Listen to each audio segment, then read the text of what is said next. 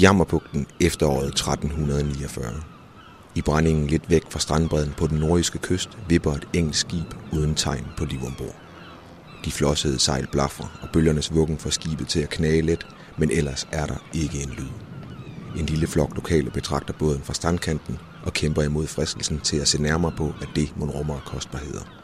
Og for et par stykker af dem bliver fristelsen for stor. Strandingsgods tilhører ifølge loven kronen, med andre ord kongen. Men hvad Valdemar Atterdag ikke ved, har han ikke ondt af, og for en fattig nordjyde kan der være måneders indtjening i godt vraggods, for ikke at tale om et helt skib. Det er dog hverken britisk pottemageri, fyldte sille eller øltønder, der gør indtryk på 20 fra Nordjylland, da de kommer ombord i det duende skib.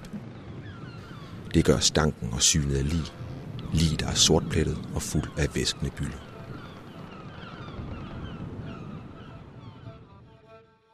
Historien om skibet fra Vendsyssel er et af mange bud på, hvordan den sorte død, pesten, kom til Danmark.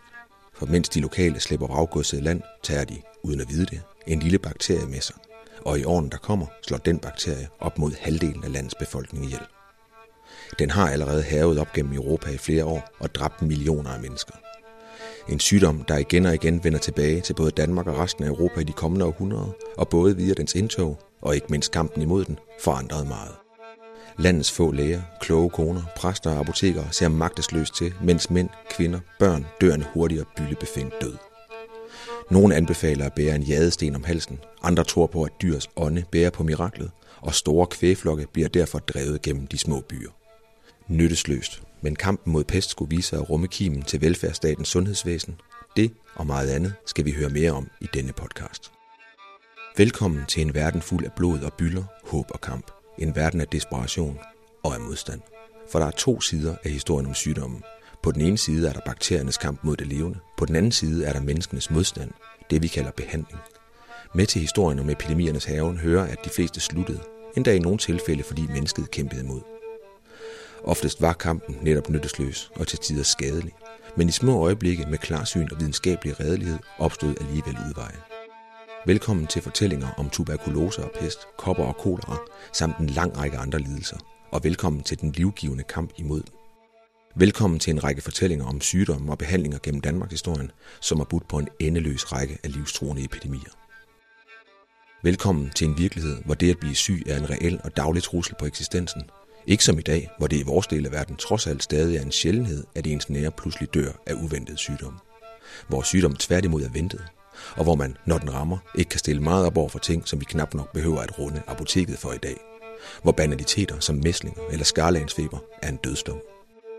Og velkommen til en række fortællinger om, hvordan sygdommene får modstand, hvordan mennesket kæmper imod og forsøger sig med mere eller mindre hjælpsomme modtræk, som vi i nutidens behandlinger står på skuldrene af. For selvom lidelserne medfører død og tragedie, følger der fremskridt med. Svære sygdomme giver fremdrift i behandlingerne, og nutidens lægevidenskab bygger netop på den modstandskamp, mennesket historisk set har ført imod bakterier og virer, uden at vide, hvad det var. Mit navn er Mikkel Andreas Bæk, og det her er det første afsnit af Død og Diagnose, en podcastrække støttet af Lundbækfonden om sygdomme og behandlinger gennem Danmarks historie.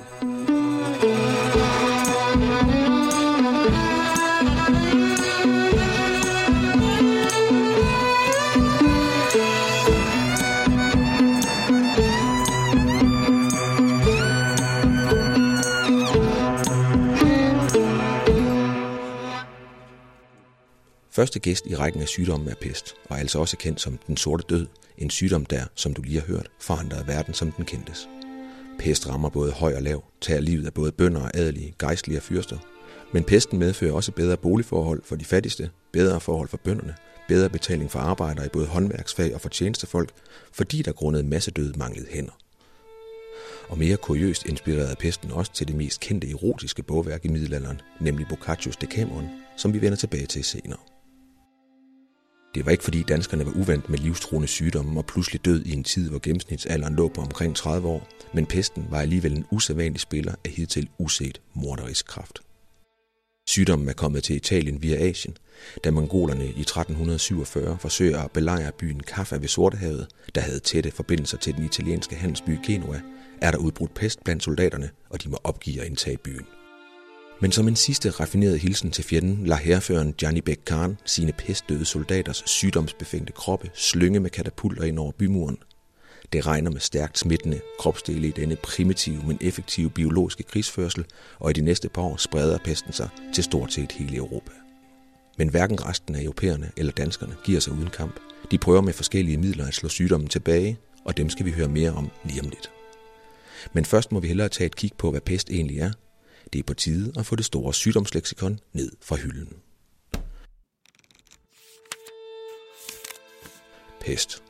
En ekstrem smitsom sygdom, som forårsages af bakterien Yersinia pestis. Også kendt som den sorte død, tager pestlivet af skønsmæssigt mellem 70 og 200 millioner mennesker i Europa, eller op mod 60 procent af kontinentets befolkning i midten af 1300-tallet. I Europa er de tre mest udbredte udgaver blodpest, lungepest og den mest hyppige byllepest. Sygdommen smitter typisk via nys, hoste, men også bare det at sidde tæt på en talende pestramt udgør en stor risiko, ligesom lopper kan overføre sygdommen til mennesker. Den aggressive bakterie er i stand til at fordoble sit antal hver anden time i lymfekirtlerne, og patienten får hovedpine, høj feber, kulderystelser, mens blodtrykket stiger. Betændelsen kommer til udtryk i både indre og ydre bylder, der i den sidste ende tager livet af den ramte, fordi organerne ikke længere kan fungere. Dødeligheden var næsten 100% for de blod- og lungepestramte, mens byllepesten tog livet af op mod 80%. En byllepestram dør typisk efter nogle få dage, hvor byller og sorte pletter træder tydeligt frem, mens lungepesten kan tage livet af en patient på få timer. Så vidt selve sygdommen. Men hvad betød pestens indtog i Danmark, og hvordan bekæmpede man den? Det ved Adam Benkart fra Medicinsk Museum i København, og død og diagnose sygdomsreporter David Peppe Birk er taget til Superbrusen i Matteusgade midt i København for at spørge ham til det.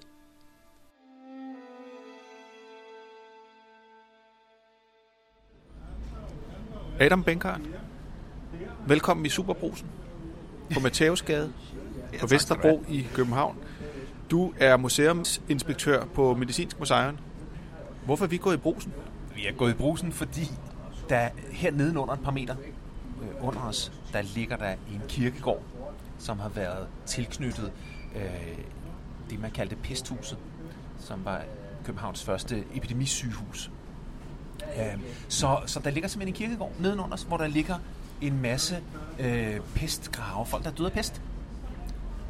Tør vi, øh, der, der er vejarbejde herude foran. Er, er vi i fare? Jeg tror godt, vi kan føle os relativt, relativt sikre her i, i Superbrusen. Øh, jeg tror ikke, øh, der ligger nogen biologisk aktiv pestmateriale dernede, men, men vi er oven på knoglerne af, af mange hundrede mennesker, som er døde af smitsomme sygdomme gennem tiden. Hvor stor er byen på det her tidspunkt? Sådan omfangsmæssigt. Vi kender den jo i dag. Det er jo, vi er jo midt i byen nu, kan ja, den, den ligger jo inde bag volden, ikke? Så det er jo, i, i, i, altså, det er jo en, en, en, en lille provinsby i forhold til moderne størrelser. Men, men, øh, men, men på det her sted her, det er et godt stykke uden for, for Københavns volde, så vi er uden for bymuren. Hvad er det for nogle mennesker, der ligger dernede? Jamen, det er jo... Pesten rammer jo de gange, den kommer til Danmark, jo bredt. Der er ikke så meget adskillelse på, øh, på stand.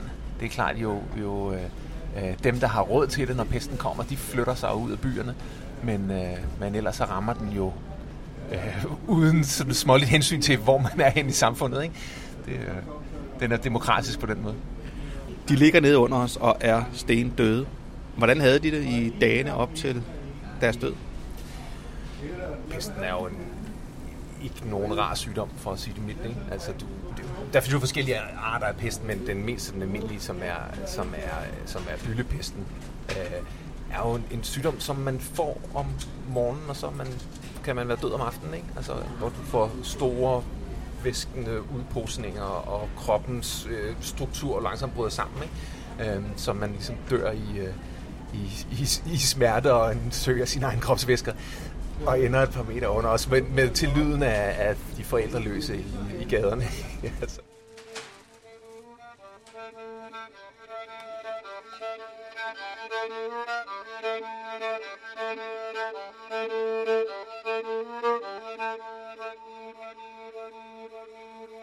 Første gang, man, man, man ligesom har dokumenteret øh, kilder på det, det er i øh, 49, øh, hvor, hvor den kommer første gang, og så er en periode, hvor den rammer hele Europa med, med, med, altså, kæmpe styrke. Altså, der, man, man taler om, om øh, i 1300-tallet, at, at altså op mod halvdelen af Europas befolkning, som dør, og der er byer der, og egne, der bliver lagt øde.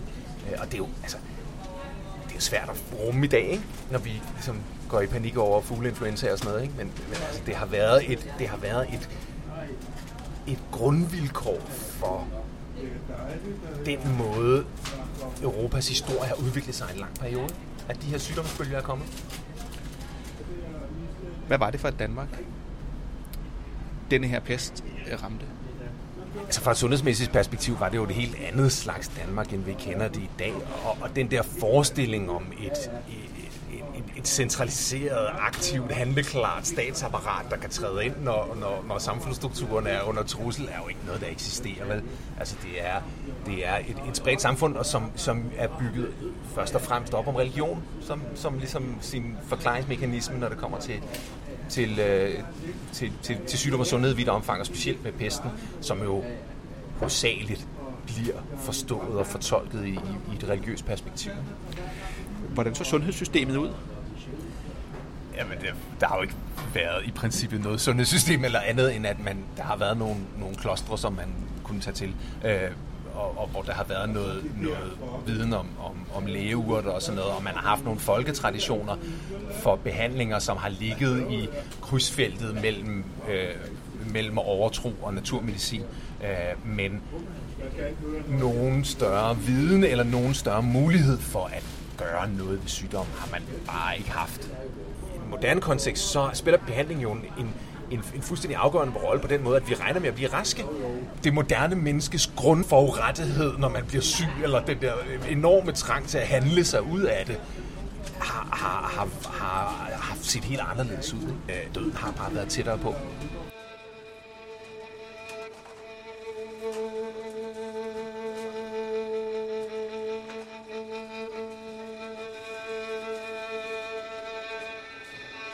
Vi er nu her på Vesterbro i København, og lige herovre bagved, der ligger Halmtorvet, og der var en øh, strand i 1349.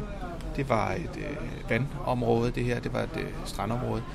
Øh, der har sikkert boet øh, nogle familier, der har været nogle landsbyer, der har været ting og sager her omkring. Hvad gjorde denne her øh, familie, der øh, pludselig fik et pesttilfælde? Hvordan reagerede man? Man bad til Gud om at blive skånet. Øh, Men kunne man ikke gå til lægen? Nej, det har man ikke kun. Altså, øh, øh, historisk set, så, så, så skal man ret langt op øh, og ret højt op i, i, den sociale, i de sociale sfære, før det at gå til lægen er noget, der overhovedet ligesom er en del af ens, af ens virkelighed. Ikke? Øhm, her har man måske haft adgang til øh, en, en lokal bartskærer, altså, som, som er en, en, øh, en slags sådan amatørkirurg, som, som øh, er, bliver trænet i at trække tænder ud og punktere bylder og øh, sy mindre sår sammen og, og sådan noget, men, men, men som har en meget ringe øh, sygdomsviden og, og slet ikke, når det kommer til sådan noget kompliceret noget som, som pesten. En bartskærer, kalder du det. Kan du lige forklare det ord? En, en bartskærer er en, øh, en, det, der også hedder en barberkirurg. Altså som, som er, at man historisk set har haft en gruppe af folk, som øh, stod for de her mindre dagligdags øh, indgriben i kroppen. Altså dem, dem, der har historisk set varetaget den her daglige omgang, altså sat knogler og, og, øh, og ordnet bylder og, og lavet overladninger og sådan andre typer gængse behandlinger. Det, det, øh, det var en gruppe af folk, som, som, øh, altså som, ja, som var en slags håndværkere. Og det ligger endda i ordet kirurgi. Øh, kirurg kommer fra det græske kir og ærkeren, som betyder hånd og arbejde. Øh, så, så selv i hele navnet ligger der ligesom en, en, en fokusering på, at de er praktikere.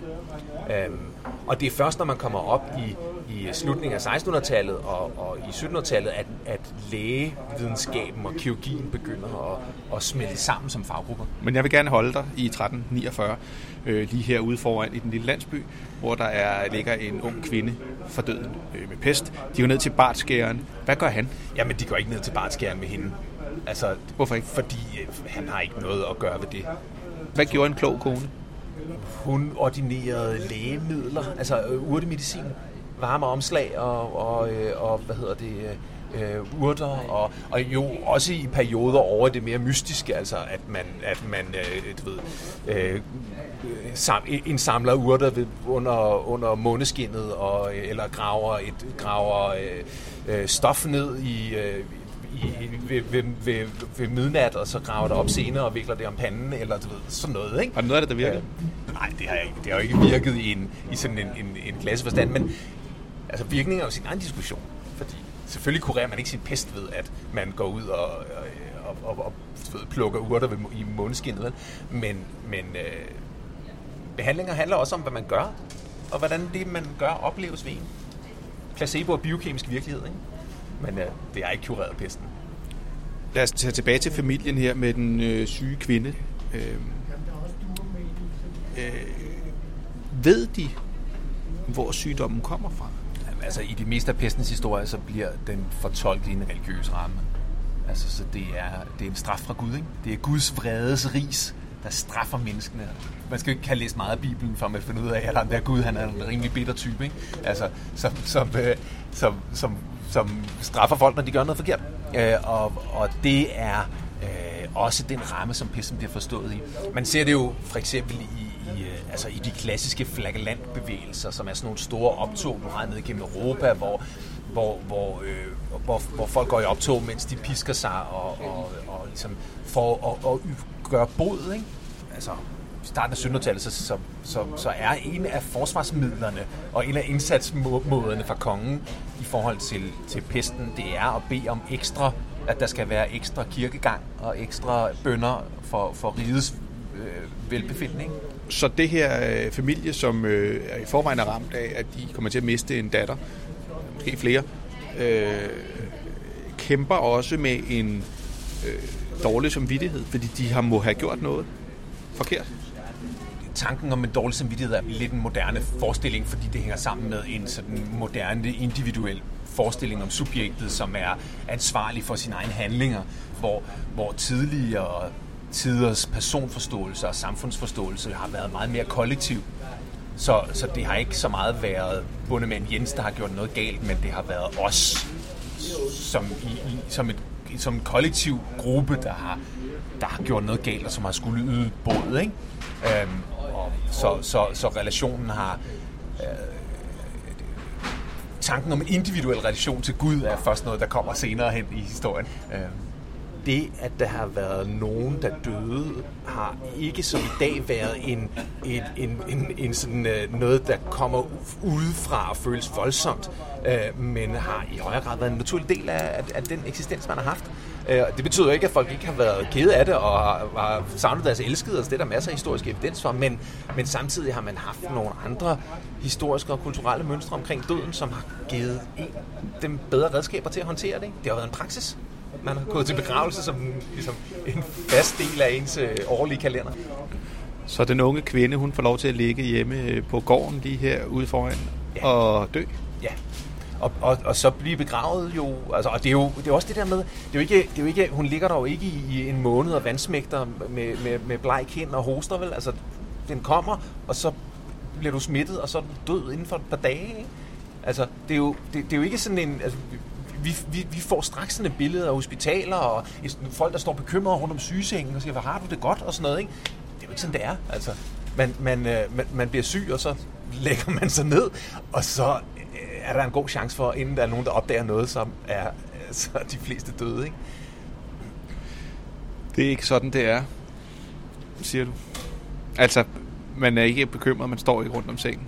Hvordan er jo, det så? altså, det, det, det, det er bare i en kortere periode, ikke? og, og man har jo, man, man, man beder til sin Gud, og man håber på, på, på, på en mild skæbne, ikke? Det er det, man gør. Hvornår var næste bølge epidemi af pest?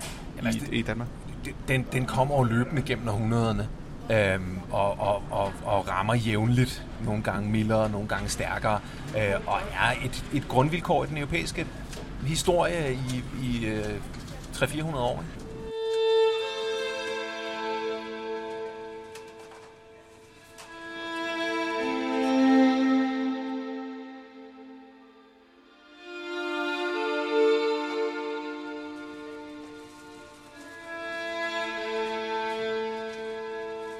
Øh, da man ved, der er, at pesten er på vej i starten af 1700-tallet, der rejser øh, Frederik 3. til øh, Norditalien for at få erfaringer med, hvordan man håndterer pesten, hvor man jo har haft den i de norditalienske bystater, og man er klar over, at den, der er chance for, at den kommer til, øh, at den kommer til Danmark. Og så er man jo en periode, hvor der er en central administration og en central stat, som i et eller andet omfang øh, har ansvar for at skal varetage sine borgers velbefindende. Altså sådan en, en kropsmodel for samfundet, hvor du har kongen øverst op som hovedet, og så har du ellers øh, øh hvad hedder det, øh, befolkningen som kroppen, som skal varetages, ikke? som giver den centrale magt både et ansvar over for sine borgere, men jo også en øh, ret til at gribe ind. Og pesten er jo en, altså en trussel, der står og venter derude. Kongen udskriver hæren både, han, han udskriver 200 mand til at grave massegrave, til at blive udstyret med spader til at grave massegrave, men også til at holde styr på den øh, at folk kan begynde at, at, at tømme husene. Ikke? Altså, så der kommer simpelthen, øh, folk kommer ind og bryder ind og, og, og tager de huse, hvor folk er døde og, og, og stjæler deres ting. Så der er ligesom looting and pillaging in the streets.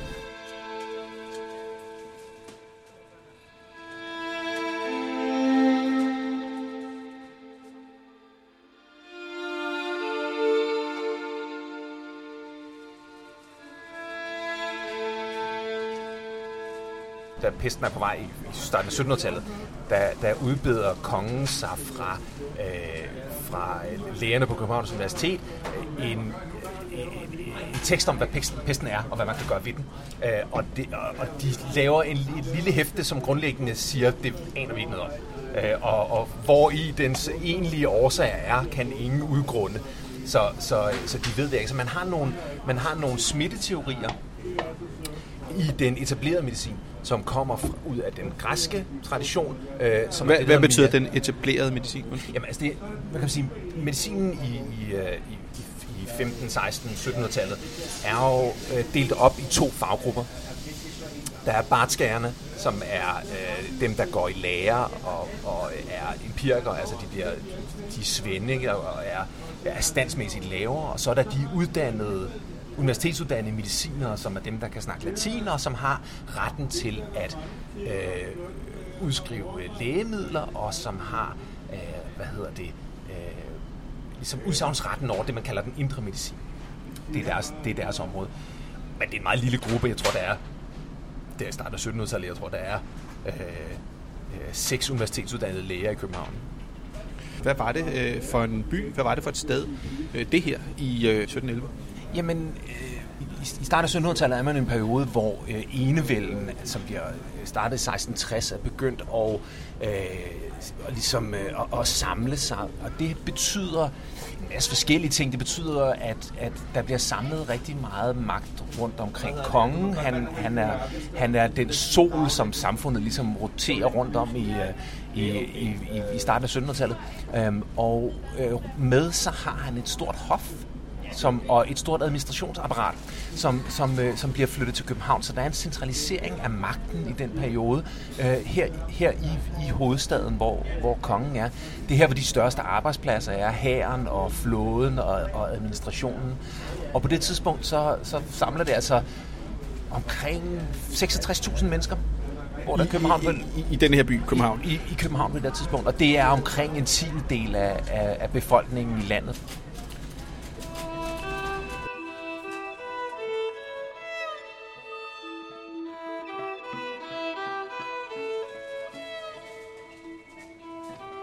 Hvornår fandt man på noget, der virkede? De karantæneforordninger, som man sætter i gang, som kom i de italienske bystater. Altså, det begynder jo som en, som, som en model for håndtering af pesten der, allerede fra 1400-tallet og frem efter.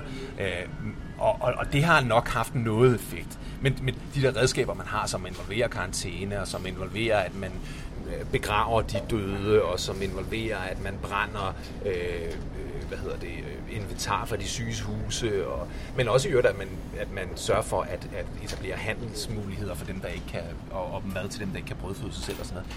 De, de har jo haft en, en, øh, en, en, en funktion nok i at opdæmme noget af smitten. Karantænen er ligesom det første øh, redskab. Øh, det var baseret på sådan en smitteteori, ideen om, at der, der kunne overføres noget fra menneske til menneske. Øh, selve ordet karantæne kommer fra, øh, fra italiensk og betyder 40 dage. Øh, og at den periode, som man mente var nok til at, at, at, at sikre sig, at, at smitten ikke øh, spredte. Den slags kontrol med folk og deres færden kræver jo et enormt apparat og en meget, et enormt fint masket net, som man, hvis man kigger på pesten, da den rammer i København i, i, i 1711, kan se, at, at selvom man prøver alt muligt, så slipper det igennem masken alligevel, for pesten kommer til med fuld styrke. Ikke? Hvor mange dør? Jamen, i løbet af den der øh, sommer-efterår i 1711, der dør cirka en tredjedel af byens befolkning, så omkring 20.000 mennesker. Og nogle af dem ligger et par meter under os nu. Nogle af dem ligger lige under, hvor vi står.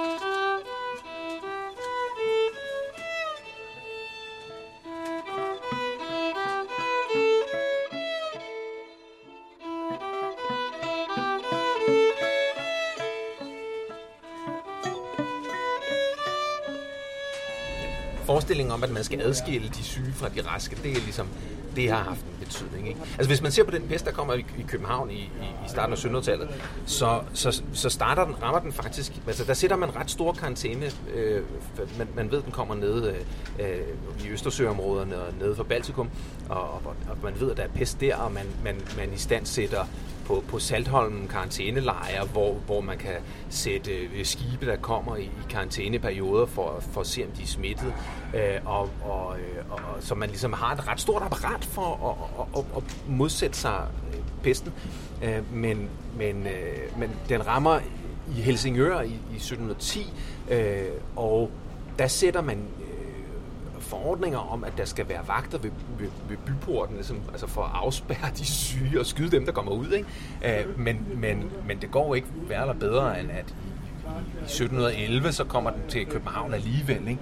Fordi ligesom, altså, så finmasket er netten bare ikke. På trods af alle de der ting, man har sat i gang fra, fra 1708 og frem efter, øh, med, med karantæneforordninger og opbygning af lejre på Saltholmen, og, og man øh, kongen nedsætter forordninger om, at man skal have, man skal have det, man, det, man kalder sundhedspas. Man skal have sådan nogle beviser på, at man ikke har været i nærheden af smittekilder inden for 6 uger. Man skal love, sværge en ed på, at man ikke har været i nærheden af noget smittet inden for 6 uger. Og, og, som jo alle sammen er sådan tegn på, at man tager en gryende fornemmelse af, at staten skal træde aktivt ind og regulere borgerne på godt og ondt. Ikke? Både begrænse deres frihed, men også understøtte deres muligheder. Øh, men, men samtidig, at, at det jo ikke er jo ikke en, et særligt fint masket net, vel? Men det var dog øh, kimen til et sundhedssystem. Ja, og, og det, er jo, det, det er jo det, man måske kan se i det. Altså den, den der måde at tænke staten som noget, der har et ansvar den indeholder øh, volden på den måde, at, at det handler om, at man må altså, adskille de raske og de syge, og, og begravelse, afbrændinger og sådan noget. Ikke? Men den indeholder også, de, de indeholder også øhm, omsorgen. Altså det, at, at, at staten skal sørge for, at dem, der ikke kan brødføde sig selv, skal, skal have, have adgang til, til brød og mad og sådan noget. Så, så den der forestilling om staten som en instans, der i krisetider har retten til og ansvaret for at træde ind i vores fælles eksistens, det ligger også og rumsterer rundt i pestens historie. Adam, jeg er glad for, at du vil møde os her i Superbrusen i Matthæusgade i dag, øh, på trods af øh, faren nedefra med øh, pest. Øh, jeg, jeg, jeg er medicinhistoriker, skal du tænke på. Jeg er vant til meget værre. Inden vi øh, går ind og køber ind, øh, vil jeg lige spørge dig, skal vi være bekymret? Kommer det her igen? Nej, det tror jeg ikke, det gør. Øh, og og det, øh, det er jo selvfølgelig et hypotetisk spørgsmål, men, men, øh, men den slags epidemiske sygdomme i det omfang, som, som pesten har ramt i, der, der vil der skulle noget helt særligt, øh, hvad hedder det, supermuteret et eller andet til, som vi ikke har nogen fornemmelse for, hvordan vi skal behandle. Øh, men men øh, fordi de ting, vi fejler i dag, er jo i langt højere grad relateret til det samfund, vi har bygget op, som vi selv har lavet. Så hvor meget af de epidemiske sygdommes historie handler om en trussel udefra, så er samfundet i dag i højere grad et spørgsmål om trussel indenfra, altså sygdomme sat i gang af ting, vi selv har sat i værk.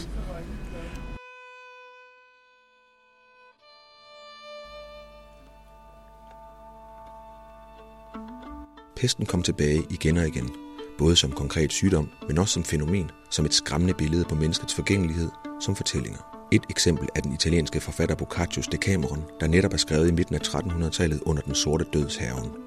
Bogen handler om 10 unge, der flygter fra det pestramte Firenze og fortæller hinanden historier. Nogle af dem er den frække slags.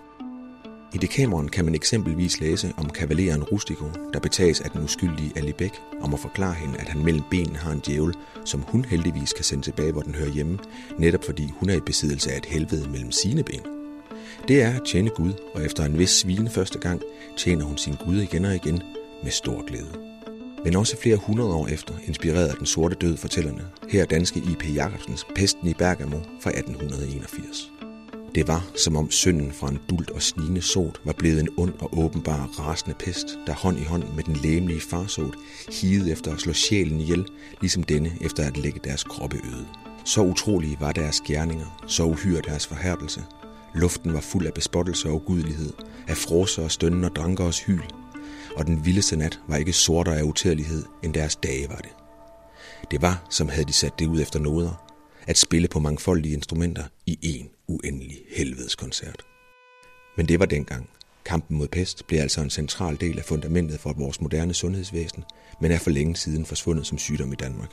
Ikke siden 1700-tallet er nogen her i landet døde af den tidligere så frygtede sygdom, der altså ikke længere kan betragtes som en trussel. I hvert fald ikke i den vestlige verden. Og så alligevel, for pest findes stadig. Så sent som i efteråret 2017 udbrød der en epidemi på øen Madagaskar øst for det sydlige afrikanske kontinent, hvor mere end 100 mennesker omkom. En enkelt dansker, der havde været på øen, blev konstateret som muligvis smittet og lå flere dage isoleret på Skyby sygehus i Aarhus, inden frifindelsen kunne konstateres. Sygdommen kan i dag behandles med antibiotika, og chancen for overlevelse er ganske pæn, omkring de 85 procent. Men rådet for død diagnose er alligevel, at du lader være med at røre ved døde rotter, når du er på ferie. Man kan jo aldrig vide. Du har lyttet til Død og Diagnose, som er støttet af Lundbækfonden og lavet af Mikkel Andreas Bæk og David Peppe Birk i samarbejde med Medicinsk Museum i København. Musikken er skrevet og fremført af Frederik Thybo og Kasper Bak Hestrup. Lyt med næste gang, når vi ser nærmere på kopper, den muligvis den mest dødelige sygdom i verdenshistorien.